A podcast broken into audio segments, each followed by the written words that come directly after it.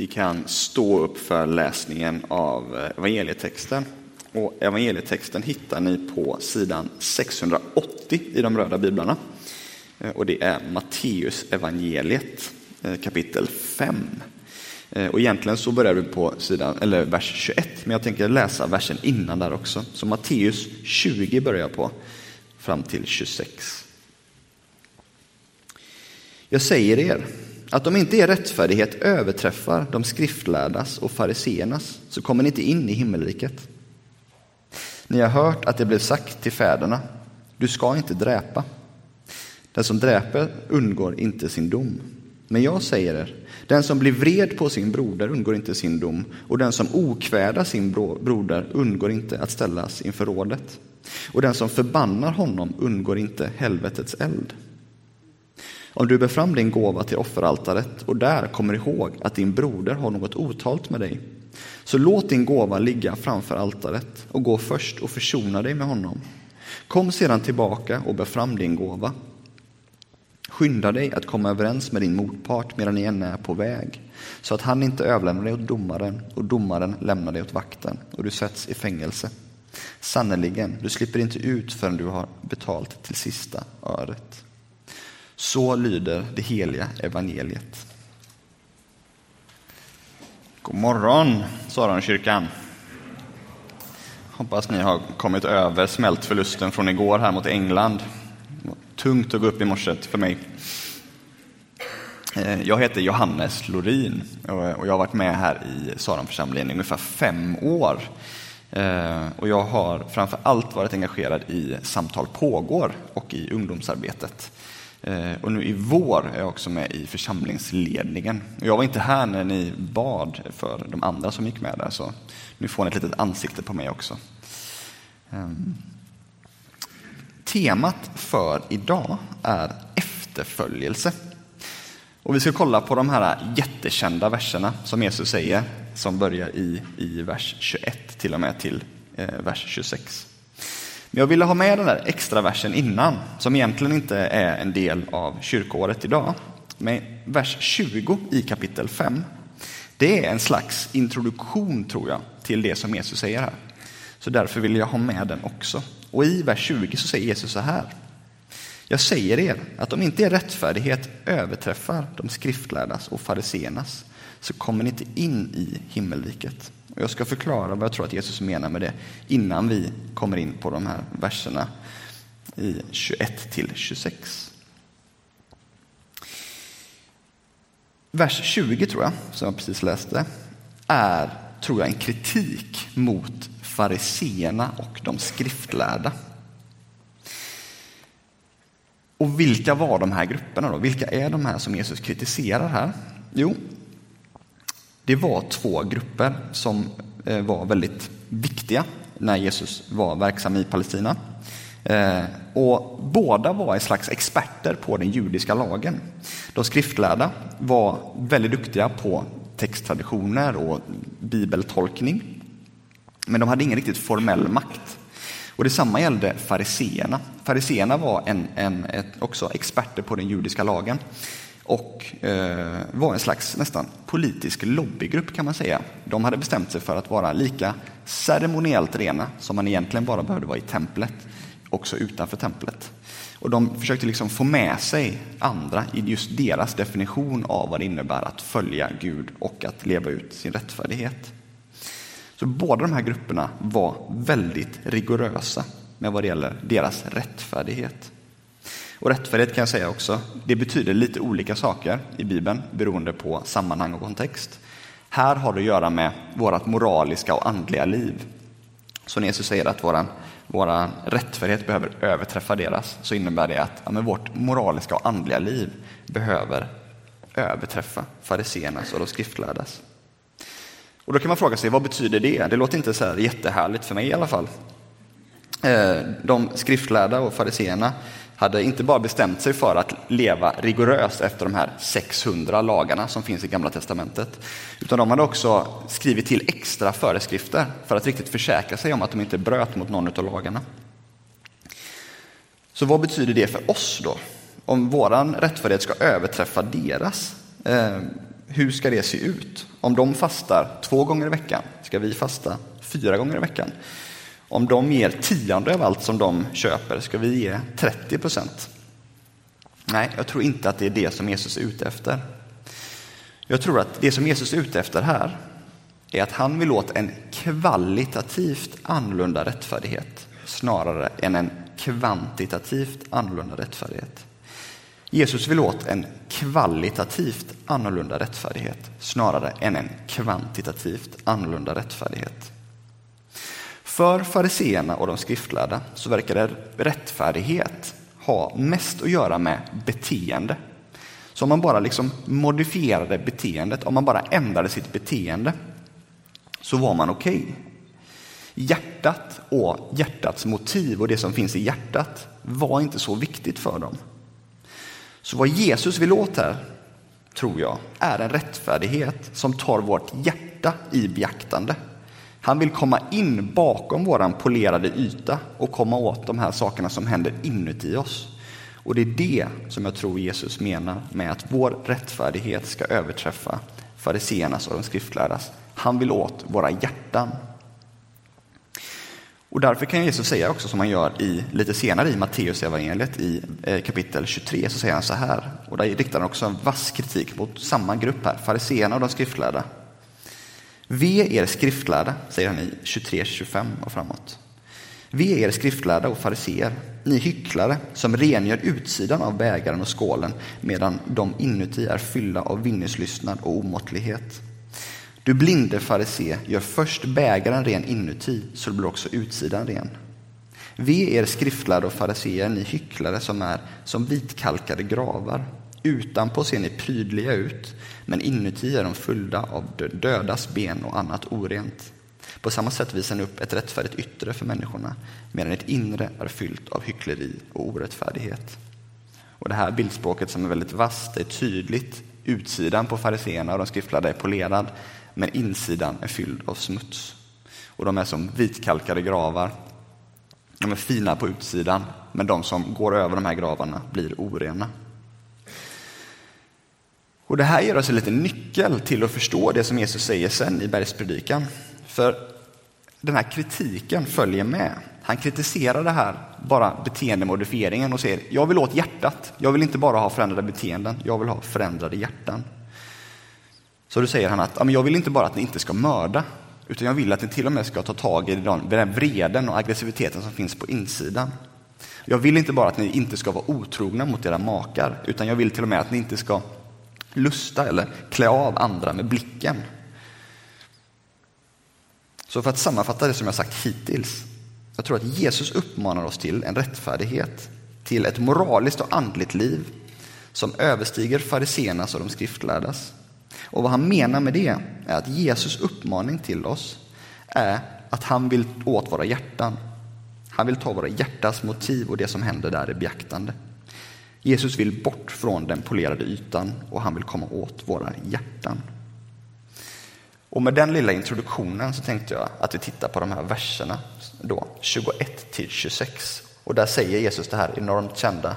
Ni har hört att det blir sagt till fäderna, du ska inte dräpa. Den som dräper undgår inte sin dom. Men jag säger er, den som blir vred på sin broder undgår inte sin dom. Och den som okvädar sin broder undgår inte att ställas inför rådet. Och den som förbannar honom undgår inte helvetets eld. Spara de sista verserna till lite senare här.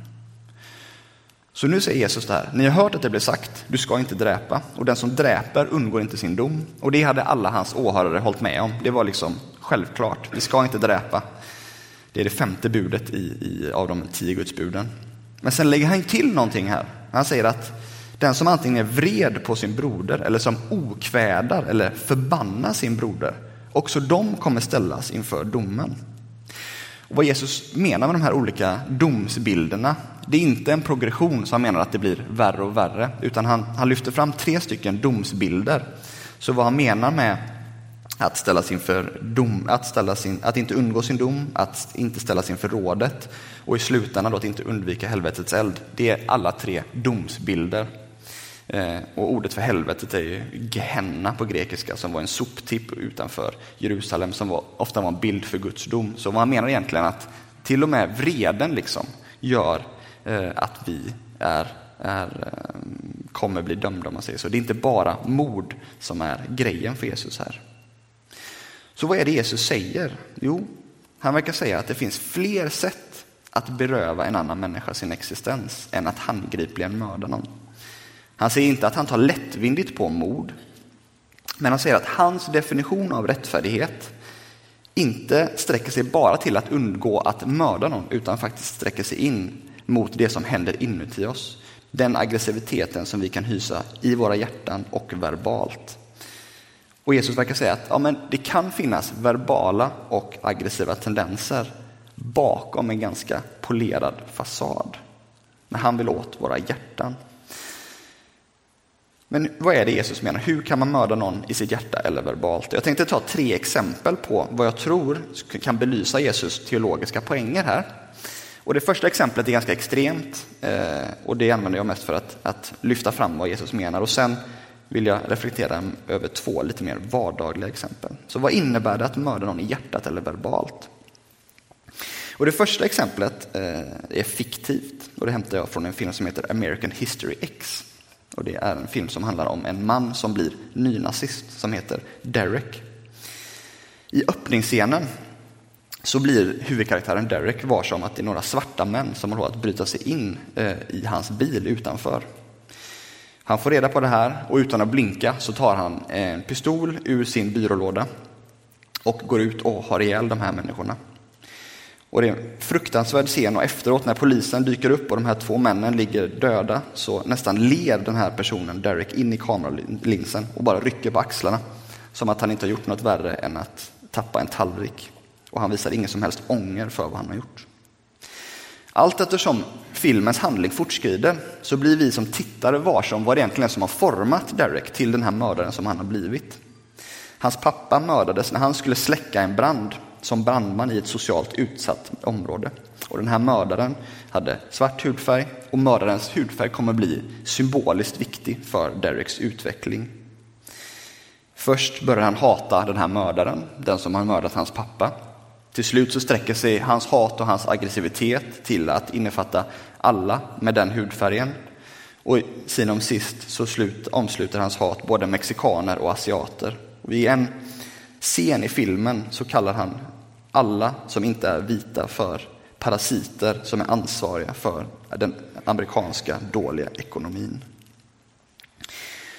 Och på så vis så tuggar hatet och vreden i Derek åratal.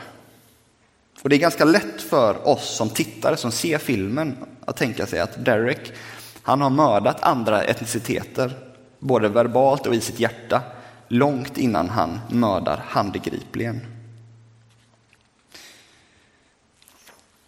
Derek, han är ett fiktivt exempel. Han är påhittad. Men jag tror att han är ett trovärdigt exempel på hur mord kan äga rum i våra hjärtan och i vårt språk långt innan det blir handgripligt mord. Och jag tror också att han är ett talande exempel för de teologiska och psykologiska mekanismerna och de hjärtats tendenser som Jesus vill åt. Men det finns ett problem med Derek som exempel och det är att han är extrem. Kanske för extrem för att vi ska kunna relatera till honom. Och som jag sa i början, Jesus vill bort från den polerade fasaden. Och vad innebär Jesus teologi om det här med hjärtats rättfärdighet för oss som kanske har mer polerade liv än Derek? Och för att komma åt det så vill jag använda två andra exempel. Så då vänder jag mig till dem här. Jag använder först mig själv här. Jag bodde i USA under ett par år, tre års tid. Och på grund av det så har jag flera amerikanska kompisar som jag pratar på Skype med. Och strax efter att Donald Trump hade blivit vald till president i USA så pratade jag med en kompis. Och vi pratade om hur, hur kunde det här hända? Hur kunde Donald Trump bli president i USA? Och jag skröt lite om hur oförstående jag var över det här. Hur kunde det hända? Och andemeningen var ungefär så här, det som jag sa. Jag har så bra värderingar att jag inte ens kan förstå hur någon kan komma till slutsatsen att rösta på Donald Trump. Och min kompis svarade då att det inte alls är en dygd att man inte kan förstå hur mer än en halva en nation röstar. I synnerhet inte om man har bott där i tre år. Och i mitt samtal så gick det upp för mig att jag hyste en vrede över Trump-anhängare och vad de står för. Jag kunde inte förstå dem. Inte för att jag inte kan sätta mig in i deras resonemang, utan för att mitt hjärta var stängt för den gruppen. Till skillnad från Derek i American History X så kommer inte jag gå med i något gäng, jag kommer aldrig lyfta hand mot någon, utan jag gömmer min vrede i politiska resonemang. Jag kommer kanske inte okväda någon, men i mitt hjärta så förbannar jag och okvädar jag mina bröder. Och då går i alla fall jag i Jesus fälla. Den som blir vred på sin broder är skyldig inför domstolen och den som säger idiot är skyldig inför rådet. Det var folkbibelns översättning som jag jobbat med, så idiot är en från folkbibelns översättning, så det, om ni undrar var det kom från så är det en annan bibelöversättning. Men Jesus, han vill komma bort min polerade yta, jag som kanske gömmer min aggressivitet bakom politiska eller teologiska resonemang.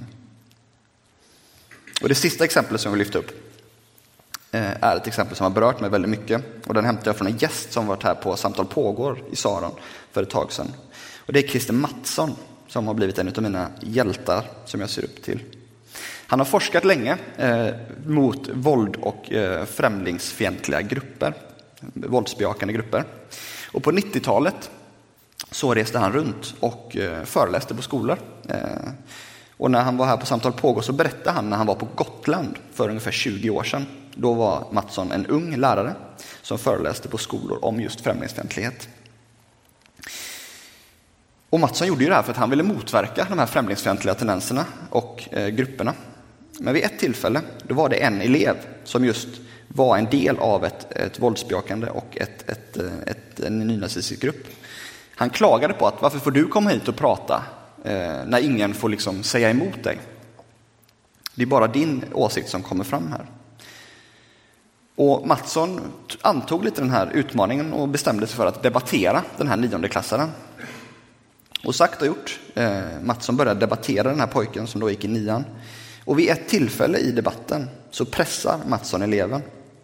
Och då säger eleven att judarna styr Gotland. Hela skolan skrattar åt honom. Och allt det här spelas in, finns på ljudfiler. Och det leder till att eleven blir åtalad och dömd för förtal. Ingen stöttar honom genom rättegången, utom nynazistiska gäng. Och den här pojken är än idag en ledande nynazist i Sverige. Och I en intervju för nästan 20 år efter det här hände, då pratar Christer Mattsson om händelsen. Den intervjun finns i DN och jag skulle varmt rekommendera den. Och där säger Christer Mattsson så här om det som hände. Jag minns det väldigt väl, hur jag fick dem att skratta åt honom. Vart ska han ta vägen efter det här?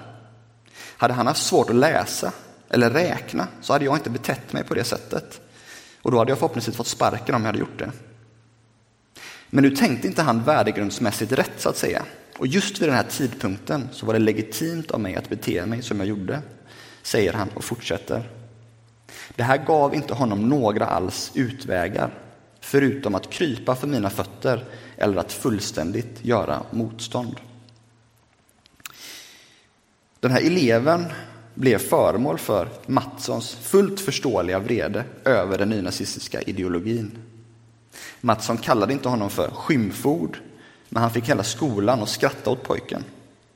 Och det som var tänkt att vara en debatt som skulle gynna tolerans ledde istället i all trolighet till att den här unga pojken knuffades ännu längre in i, destruktiva, i den eh, destruktiva ideologin som han omfamnade.